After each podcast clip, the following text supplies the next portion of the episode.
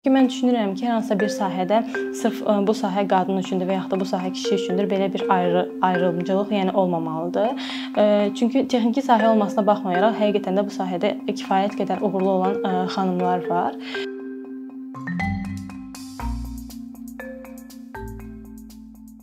Girls Code Azərbaycan platforması IT-də qadınların inkişafı, IT-də olan gender bərabərliyinin qarşısını almaq üçün yaradılmış bir platformadır. Məqsədimiz bu istiqamətdə, yəni IT sektorunda olan xanımlara düzgün karyera başlanğıcı ilə bağlı olaraq məsləhətlər və onları IT-nin müxtəlif sektorları üzrə düzgün yönləndirməkdən ibarətdir.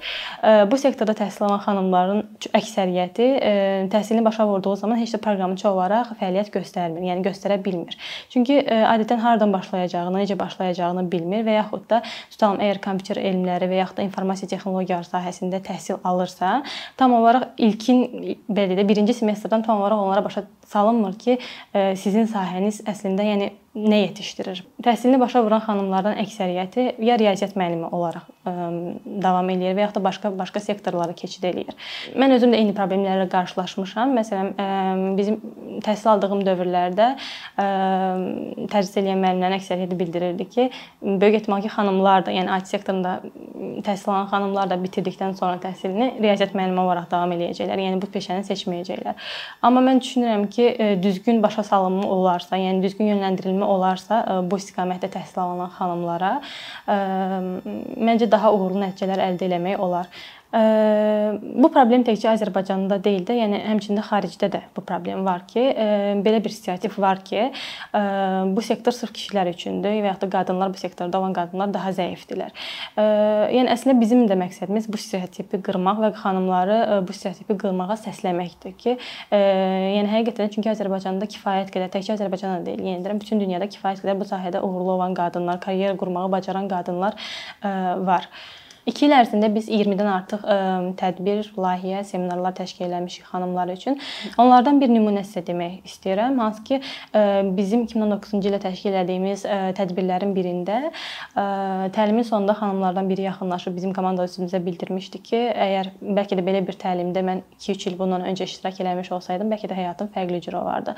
Ə, həmin tədbirdə sırf IT-də qadınların qarşılaşdığı problemlər, ə, yəni hansı ki o problemləri necə həll etmək olar, sırf bundan yəni bəhs eləyən bir təlim idi və həqiqətən də çox yararlı olduğunu düşünürəm. Ümumiyyətlə təlimlərin sonunda bu kimi feedbackləri almaq, bu kimi rəyləri eşitmək təbii ki, bizi öz işimizi görməyə daha-daha həvəsləndirir. Bu günə qədər təşkil etdiyimiz tədbirlər arasında e, front-end proqramlaşdırma, mobil proqramlaşdırma, virtuallaşdırma e, və IT-nin müxtəlif istiqamətləri üzrə e, xanımlara kod yazma bacarıqlarını və yaxud da bu istiqamətlərdə inkişaf imkanlarından bəhs edən müxtəlif tədbirlər, layihələr həyata keçirmişik və layihələrimizdə də yüzlərlə xanımlar iştirak eləmişdir. Hansı ki, biz inanırıq ki, həmin tədbirlərin də kifayət qədər müsbət yəni təsiri olmuşdur onlara. Çünki tədbirlərimizdə həm IT IT sektorunda inkişaf belə deyim, IT sektorunda ə, işləyən müxtəlif mütəxəssislər, həm bəy, həm xanım, yəni mütəxəssislər iştirak eləyir ə, və həmin mütəxəssislərin bu uğurlarını məsələn görmək, hansı ki, onlar bacarıb bunu görmək məncə ə, həmin kütləni də buna inandırır ki, onlar da bacara bilərlər. Çünki mən düşünürəm ki, hər hansısa bir sahədə sırf bu sahə qadın üçündür və yaxud da bu sahə kişi üçündür belə bir ayrı ayrımcılıq yəni olmamalıdır. Çünki texniki sahə olmasına baxmayaraq həqiqətən də bu sahədə kifayət qədər uğurlu olan xanımlar var.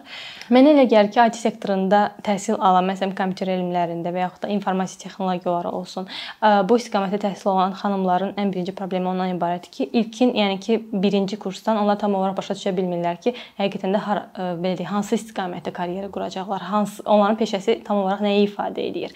Məncə ilkin olaraq əgər sırf IT sektorunda təhsil alırlarsa, öz peşələri ilə bağlı olaraq, ixtisaslarla bağlı olaraq araşdırma eləməlidirlər. Düzdür, Azərbaycan dili dilində resurs az olduğuna baxmayaraq müxtəlif dillərdə resursları axtara bilərlər və həqiqətən də peşələrinin nəyi ifadə elədiyini dərindən öyrənə bilərlər. IT dedikdə IT yəni ümumi bir belə deyək də böyük bir sahədir, hansı ki müxtəlif qolları var bu sahədə və yəni biz IT adlandırdığımız zaman ümumi olaraq IT deyirik. Onun müxtəlif sahələri var. Front-end proqramlaşdırma var, məsələn, back-end proqramlaşdırma var, mobil proqramlaşdırma var və yaxud da verilənlər bazası var. Müxtəlif yəni və yaxud da administrativ tərəfi var, sistem administratorluğu. Yəni ümumi olaraq sadəcə olaraq biz bunu adlandırırıq. İnkişaf etmək üçün təbii ki, hər hansısa bir tam ümumi olaraq adlandırdığımız IT sektorunun bir qolunu seçməlidirlər. O var. Məsələn, ya front-end proqramlaşdırma, ya back-end proqramlaşdırma və seçdikləri sahəyə uyğun proqramlaşdırma dilini araşdırmalıdırlar ki, tutalım, əgər back-end proqramlaşdırmanı öyrənirlərsə və ya da back-end proqramçı olmaq istəyirlərsə, müxtəlif dillər var proqramlaşdırma dilləri olaraq, front-end, Python və s.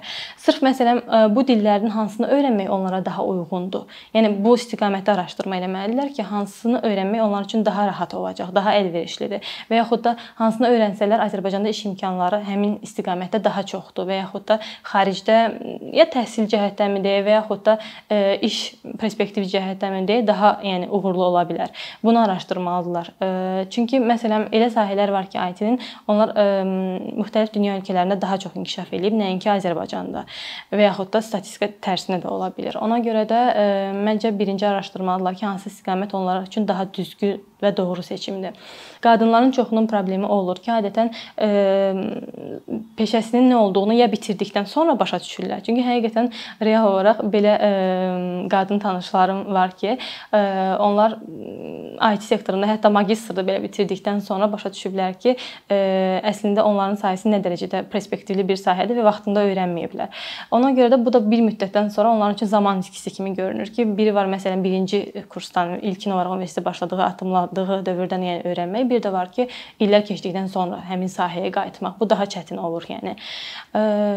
Yəni 4-cü kursdan və ya da bitirdikdən sonra deyil də 1-ci kursdan başlamalıdırlar ki, yəni vaxt itirmədən vaxtında öyrənməyə. Çünki belə olduğu halda ən azından bakalavr dövründə onlar hər hansısa bir sahəyə yiyələnmiş olacaqlar və yaxud da hər hansısa bir şirkətdə artıq təcrübə keçmə imkanı əldə eləmiş olacaqlar və bu da onlara gələcəkdə daha uğurlu olmasına köməklik edəcək. Çünki məsələn şirkətlər işə qəbul zamanı adətən iş təcrübəsi olaraq bir kriteriya qoyurlar ki, iş təcrübəsi olan mütəxəssislər axtarırıq. Faktiki olaraq da iş təcrübəsini məsələn 4 il bitirdikdən sonra ə, hər hansısa bir şirkətə müraciət elədiyi zaman heç bir təcrübəsi olmadığı halda müraciət elədiyi zaman təbii ki, həmin xanımı məsələn götürməyəcəklər işə. Çünki heç bir təcrübəsi olmayıb, heç bir aktivliyi olmayıb. Yəni hər hansısa bir üzərində iş görməyib, yəni heç bir özünü inkişaf etdirmək üçün nələrsə etməyib. Təbii ki, onu yəni bu kriteriyalarla həmin şirkətə qəbul eləyə eləməyəcək. Amma məsələn bu kimi işlərə universitet daxil olduğu dövrdən başlamış olsalar və artıq məsələn 2-ci, 3-cü və ya da 4-cü kursdan da ə, müxtəlif şirkətlərə sırf intern kimi, yəni ki, təcrübəçi kimi işləməyə başlasalar, bu halda daha uğurlu nəticələr əldə edə bilərlər. Ə, mən onu demək istəyirəm ki, ə, Azərbaycanda kifayət qədər məsələn startaplar var və yaxud da hal-hazırda hazırda şirkətlərin əksəriyyəti e, təcrübəçi olaraq proqramlar yəni elan eləyir ildə bir neçə dəfə e, və həmin proqramlara müraciət etməklə xanımlar e, ödənişsiz olaraq düz işləyəcəklər, amma məncə sırf ödənişə fokuslamamaq lazımdır. Nəticə etibarilə onların həmin real layihələrdə qazandığı iş təcrübəsi onlara gələcəkdə daha uğurlu karyera qurmaqlarına yəni təkan verəcək. Məsələn, bir nümunə göstərmək istəyirəm ki, ətrafımda olan xanımlardan bir neçəsi olub ki, məsələn, IT dediyim, bayaq qeyd elədiyim kimi böyük, geniş bir sahədir də, yəni. Və məsələn, elə xanımlar tanıyıram ki, bir sahədən başlamayıblar. Məsələn, 1-ci kursdan başlayaraq hər sahə üzərində biraz məsələn, hər sahəyə bir neçə ay ayırıblar ki, tutalım front-end proqramlaşdırma və yaxud da Java proqramlaşdırma, müxtəlif dilləri öyrəniblər, müxtəlif sahələri öyrəniblər və daha sonra sonda hansı sahənin ona daha uyğun olduğunu təyin ediblər. Çünki belə bir reallıq da var ki, həqiqətən də ə, məsələn, bəzən mən kiməsə məsləhət xarakterli tutan hər hansı bir xanıma və yaxud da fərq eləmir, proqramlaşdırma istiqamətində inkişaf eləmək istəyən hər hansı bir kəsə izah eləmək istəyirəmsə ki, bu sahə yaxşıdır, həqiqətən də karyera qurmaq bu istiqamətdə perspektivləri həm Azərbaycanda, həm də xaricdə iş imkanları çoxdur. Tam olaraq başa düşə bilmir ki, yəni nədir? Yəni məsələn mən deyirəm ki, okey, öyrən yaxşıdır. Deyir məsələn mən ilkin olaraq onu başa düşüm ki, bilim, yəni nəyi öyrənirəm. Bu səbəblə də mən qeyd eləmək istəyirəm ki, yəni maksimum əgər bir sahəni seçim eləyib başlaya bilmirlərsə, hər bir sahəyə 2 ay, 3 ay müəyyən bir period ayıra bilərlər və həmin period ərzində o sahə ilə məşğul ola bilərlər. Hər hansısa bir tam sahə onlara uyğun olduğunu və olmadığını, yəni bununla təyin edə bilərlər rahatlıqla. Bir var ki, məsələn, kimdənsə məsləhət alsınlar ki, mənə hansı sahə uyğundur. Bir də var ki, sırf özləri təyinləsinlər ki, hansı sahəni sevirlər. Çünki ə, qollar həqiqətən də çoxdur, yəni istiqamətlər həqiqətən də çoxdur. Əlavə məsləhətlər olaraq bunu bildirmək istəyirəm ki, universitet vaxtlarında maksimum sosial aktiv olmağa çalışmalıdır xanımlar. Bunu həm startaplara qoşulmaqla və yaxud da müxtəlif sosial layihələrə qoşulmaqla eləyə bilərlər. Çünki bunun əsasında həm şəbəkə cəhətdən ətraf qazanmış olmuş olarlar. Həmçinin də qazandıqları ətraf onlara realda daha çox iş imkanı, daha çox inkişaf imkanı, daha çox karyera təklifi gətirə bilər. Ona görə də maksimum aktiv olmağa çalışmaq lazımdır. Bir də mənə elə gəlir ki, əgər zəhmət çəkilirsə, yəni əziyyət mən həmişə özüm buna yəni inanıram ki, əgər zəhmət çəkilirsə hansısa bir istiqamətdə, mütləq ki, onun nəticəsi də olmalıdır. Yəni əgər əziyyət və yaxud da zəhmət yoxdursa, öz komfort zonamızda olaraqdan nə isə eləyiriksə, düşünürəm ki, bu bir nəticə verməyəcək. Çünki proqramlaşdırma asan bir sahə deyil ki, biz bunu 1 aya, 2 aya və ya bir çox qısa bir müddətə öyrənək. Həqiqətən də zaman və vaxt tələb eləyən bir sahədir və əmək tələb eləyən sahədir.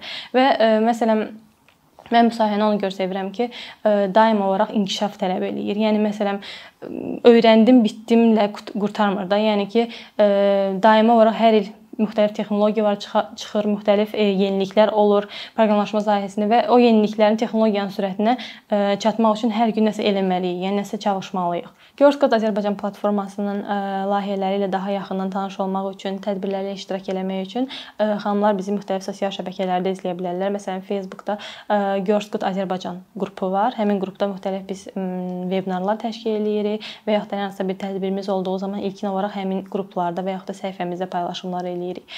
Yəni sosial olaraq bizi izləyə bilərlər və təlimlərimizə qatılaraq da inkişaflarına köməklik eləyə bilərik, qatqıda yəni buluna bilərik.